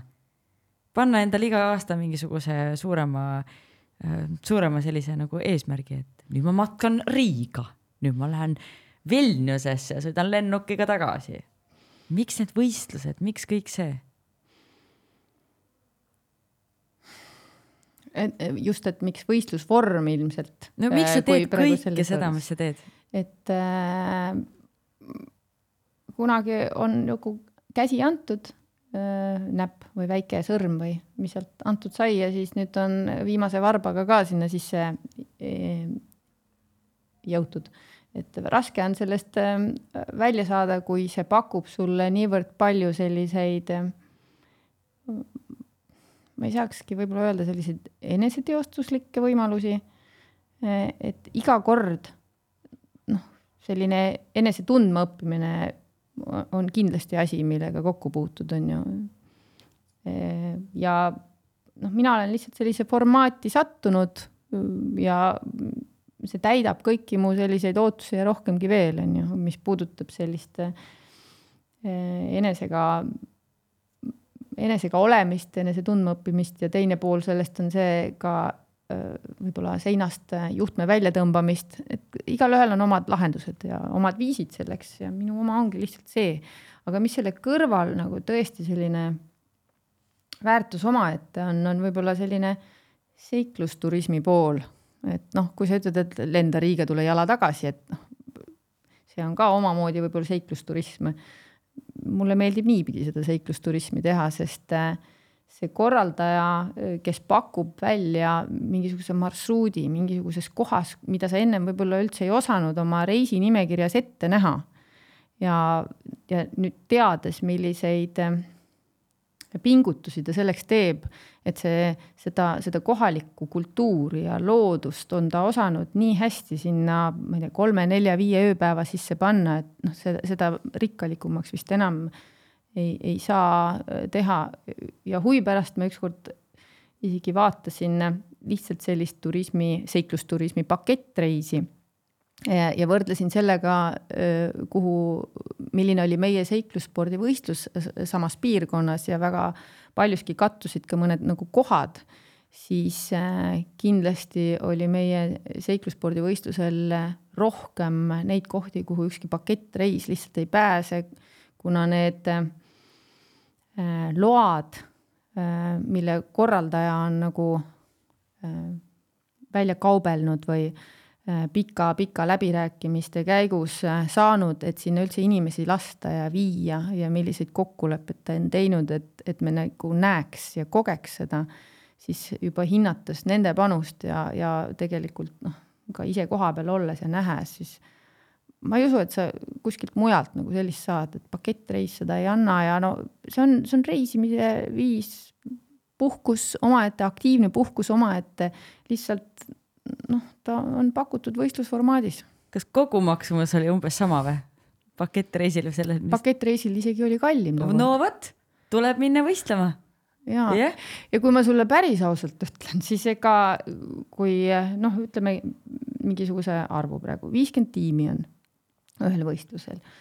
Nendest võib-olla viisteist on siis sellised tõsise sportliku eesmärgiga, et tahaks ikkagi kunagi saada sinna kuue hulka või, või esimeseks või nii. siis on sellised, kes veel kompavad piire, noh, kümmekond heal juhul, aga viimased viisteist on puhtad turistid oma olemuselt.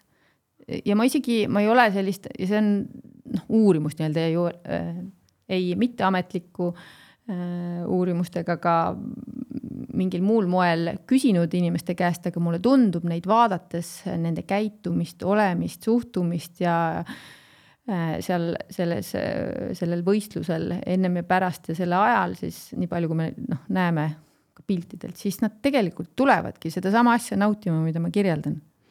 no miks tuleb Fääri saartele nii palju ameeriklasi, kui nad kavatsevad igal ööl magada vähemalt kuus tundi?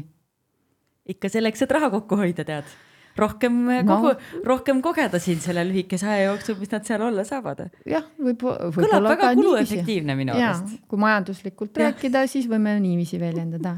raha kokkuhoiu mõttes osalesin seiklusspordivõistlusel Läksin MM-ile kuule, aga ma ikkagi, sul on siia tulnud fänniküsimusi ja ma alustan sellest, et äh, lihtsalt kolm küsimust on, on sellised, et äh, polegi küsimused, vaid Mari ütleb, et Reeda on äge ja siis on pandud see plahvatuse emoji ja siis äh, tuli. ja siis Dima ütleb, et lihtsalt Wonder Woman. ja Anette äh, soodab, ütleb tervitused maailma kõige ägedamale naisele. aga siin on ikka nagu küsimused ka ma küsin mõned et, et, et ähm, Krista tahab teada, milline on suurim õppetund, mille oled saanud õppejõuna? õppejõuna, suurim õppetund. noh, selline küsimus, et äh, võttis sõnatuks. ma võib-olla iga päev pean endale meelde tuletama äh, seda, äh, et äh, igasuguse tunni ettevalmistamise juures tuleb alati noh, teada-tuntud värk plaan B teha. ja plaan C teha, mille ma nagu kõigile räägin, aga olen jätnud ise tegemata. ja siis ega ma siis ilmselt oma kogemusest tulen olukorraga toime aga ma tunnen ennast pärast väga kehvasti. oota nii, räägi, kas on mingisugune näide? konkreetset näidet ma kohe nagu ei suuda, suuda sulle siia ette manada. Ähm, no on olnud olukordi, kus mul ei ole vahendeid olnud näiteks olen maha unustanud, äh, töövahendid on, olen noh, sellise aktiivõppe meetodite jaoks olen välja mõelnud tegevused, kõik on kirjas ja siis mul ei ole neid vahendeid kaasas olnud. ja siis on vaja improviseerida koha peal, aga ju tuleb see nii teha, et tudeng aru ei saa, et tegelikult see ei olnudki plaan ma tahaks uskuda, et äh, noh, olen enam-vähem ennast välja ujutanud mm -hmm. nendest olukordadest. Neid õnneks ei ole palju, et ma ikkagi äh, püüan olla hästi ettevalmistunud. ja, ja teine õppetund on see, et äh, võib-olla, mis ka aeg-ajalt ette lööb ja mida ma püüan siis iga kord oma kogemustest rääkida ka, on see, et kui sa ikkagi noh, iseenda eest ei hoolitse, ehk et ei ole välja puhkanud või maganud ja, ja oled selline väsinud ja siis ega ei ole ka midagi head sealt tunnist oodata sest see energia ikkagi kandub, olgu see siis äh, õppetöö või äh, ürituse korraldus, see kandub nagu igale poole üle. ja võib-olla tuleb lihtsalt olla enda vastu aus ja kas see asi üldse ära jätta, et mm. mitte endale halba tunnet teha, sest noh, kõik on inimesed, ka õppejõud ilmselt on inimene. täiesti nõus siis äh, Johanna küsib väga spetsiifilise küsimuse, mida oled kõige rohkem, jälle õppimise koha pealt, kõige rohkem õppinud oma esimeselt treenerilt Urve Bergmanilt? ma arvan, ma siiamaani õpin kogu aeg temalt, sest ma käin äh, regulaarselt Urve juures äh, külas, sest ta on nagu selline tänaseks mitte enam treener, vaid kasuvanaema. et kui sellised treeneritöö oskused ähm, enam ei ole noh, asjad, mida mina võiks üle võtta, sest ma ei ole treener, ma nagu sellist oskust äh, igapäevaselt kasutama ei pea, mis tähendab tõesti treenimine äh,. aga sellised elulised ja, ja ellu suhtumise oskused on küll. nagu äh, näiteks? ta, ta näeb inimestes alati selliseid võimalusi et ta ei, ta ei mata maha mitte kunagi noh, nagu lootust, et võib inimene saada, et ta annab alati võimaluse mm. -hmm. et noh, ta selline, see üks selline asi, mis on hästi nagu kaasa tulnud, et on ju küll neid tingimusi ja võimalusi treen-, treenides olnud, kus tundub täiesti lootusetu, on ju.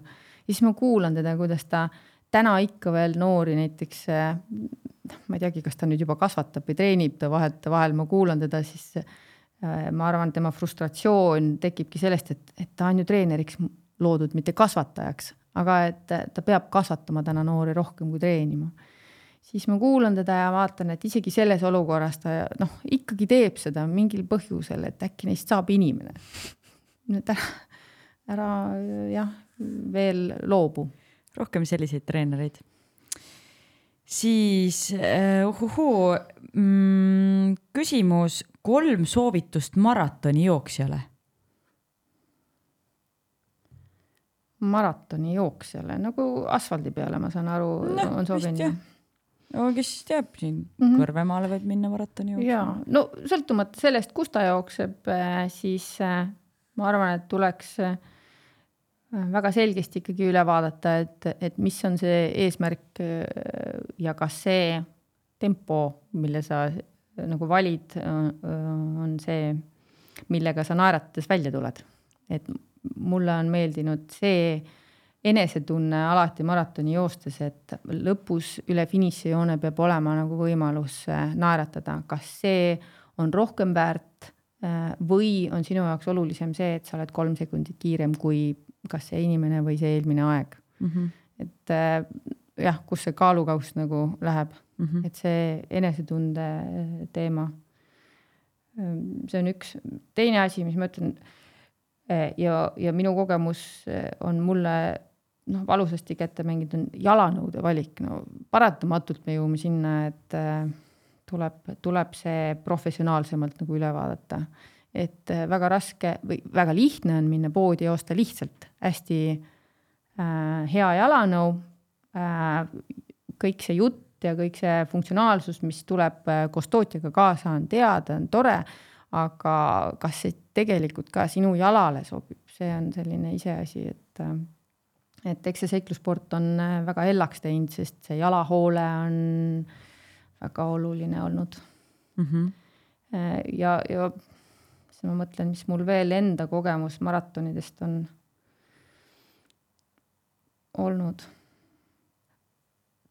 tegelikult need kaks on võib-olla nagu olulisemad mm, -hmm. mis ma lihtsalt teiste kogemusest kõrvale nagu olen pannud nüüd viimastel aegadel, on see, et kui ikkagi kuskilt hakkab väga tundma andma, et noh, kas, kas mõni liiges või, või lihas või oled ära tõmmanud või hakkab ikkagi närima seest niiviisi, et sa juba mõtled selle peale, et oleks mul ometi see valuvaigisti kaasas või või saaks kuidagigi, aga et hambad ristist lähen, et ma ju võtsin eesmärgiks siis pigem ära mine.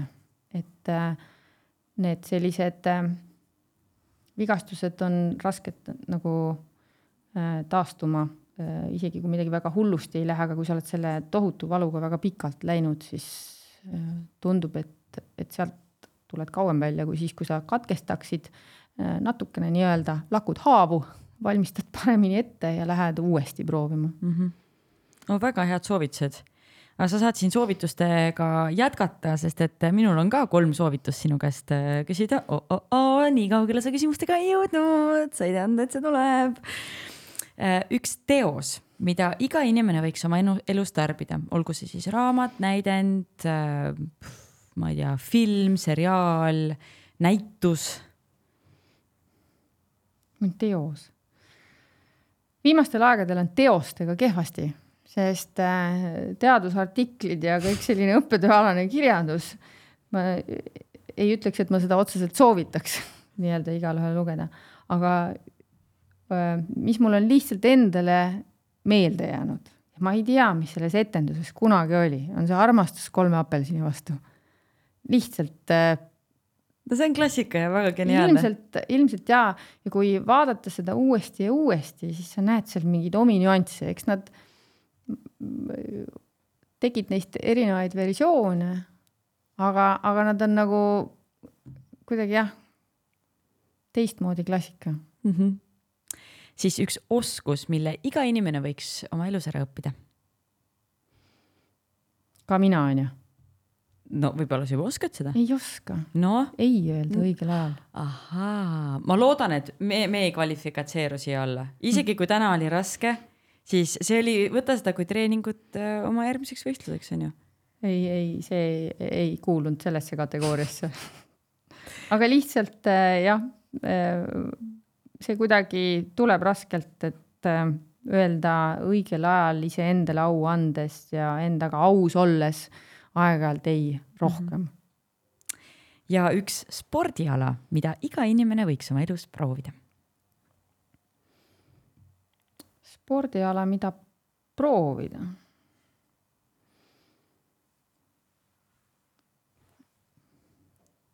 vaatan sulle otsa, et sina on ju. Tõstan käed üles, ütlen ei tea.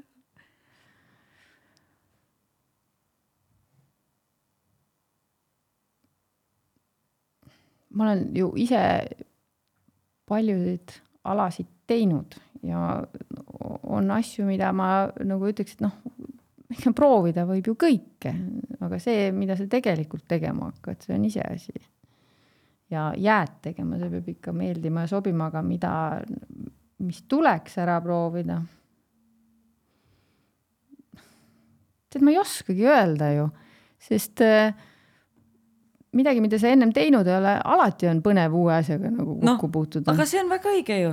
midagi, midagi, mida, mida sa pole... ennem pole teinud, on ju, jah, vot. see spordiala. aga mitte jah, ma otsisin kogu aeg ühte konkreetset nagu spordiala. see võib ka, vabandust, minu arust see on väga hea soovitus minge proovige midagi, mida te veel pole proovinud. Ma mõtlen, mis asi see mul oli, kus ma jäin ühe mõtte juurde, kust ma sain aru, et mul ei ole mitte ühestki senisest spordialast kasu, aa, sukelduma läksin, proovi sukeldumisele. Ja, ja no ikkagi, ikkagi mõtlen, et noh, teinud, ujuda mõistan.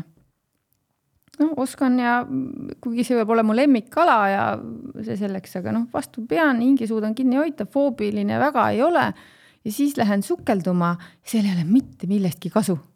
et sa pead nagu täiesti puhtalt lehelt kuulama täiesti neid öö, seda instruktaaži ja kõiki neid soovitusi, et ära hakka oma peaga proovima tuletama teisest alast, mis on ka sarnases või samas keskkonnas harrastatav mingisuguseid oma versioone, ei. see oli kogemus, ma ütlesin, et noh, et täiesti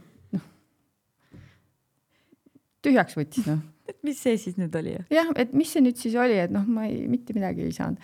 paneb iseennastki üllatama, et vau, olengi vist ikkagi ja. nagu, on mingid asjad, mille, mis ei tule nagu niimoodi kohe välja. no ilmselt saad hakkama, onju, aga, aga sa, eh, seal ei ole millestki nagu kasu olnud et eh, noh, varasemast harrastamisest, et ja teine võib-olla oli, mis oli sarnase kogemusega, oli mingi vibu laskmine. Või no ilmselt ka siis ma võiks arvata, et teised laskmised, aga noh, selline laskmistegevus, ei kuulu ka kuidagi mu lemmikute või eelistatud alade hulka, ma ei tea, see sihtimine või laskmine ei ole minu teema. ja, ja seal ka noh, seisa, kuidas sa seisad või, või see asend ja ka ei ole kuskilt laenata, et kui lähed äh, suusatama, siis äh, saad kokku viia äh, nii suusatamise äh, kui no muud lumel tegevused, kui tegelikult ka rulluisutamise, no ikkagi on selliseid tuletatavaid baasoskusi, mis on sarnaselt teostatav või vähemalt sa saad selliseid baasoskusi üle kergesti kanda, mis sind aitavad. vibu laskmine, sukeldumine no ega ma ei ole neid pärast nagu teinud ka muidugi. no aga minge proovige teie, teie järele, et äkki, äkki, äkki mõikab kuule, aga Reeda, suur aitäh, et sa leidsid oma kiirest graafikust aega, et äh, siia minuga rääkima tulla. ma arvan, et väga palju asju jäi rääkimata. nii et äh, ma loodan, et äh, ma leian veel mingisuguse võimaluse, kuidas sind siia laua taha saada. sest et sa tõesti oled väga suur eeskuju oma mõtteviisi ja tegu tegutsemise ja kõige sellega, et seda on kõrvalt lihtsalt väga äge vaadata. et iga kord, kui ma näen sinu pilti kuskil või kas sa oled kuskil, ma ei tea, teinud midagi või mingid võistlused jälle, siis natuke tekib see tunne, ma ei tea, miks, aga mõtlen, et minu Reeda kuigi me ei tunne ju teineteist nii hästi, aga ikka on kuidagi sihuke soe tunne tekib sisse. nii, nii armas on kohe selliseid asju kuulda, et ilmselt kui ma punasemaks läheksin ja need valgused ära võtta, siis ma võib-olla julgeksin punasemaks veel näost minna küll jõuab, küll jõuab. nii et aitäh sulle, et sa tulid, aitäh kõigile kuulajatele-vaatajatele, et te olite meiega ning järgmise korrani. Bye. Sportland, Be First podcast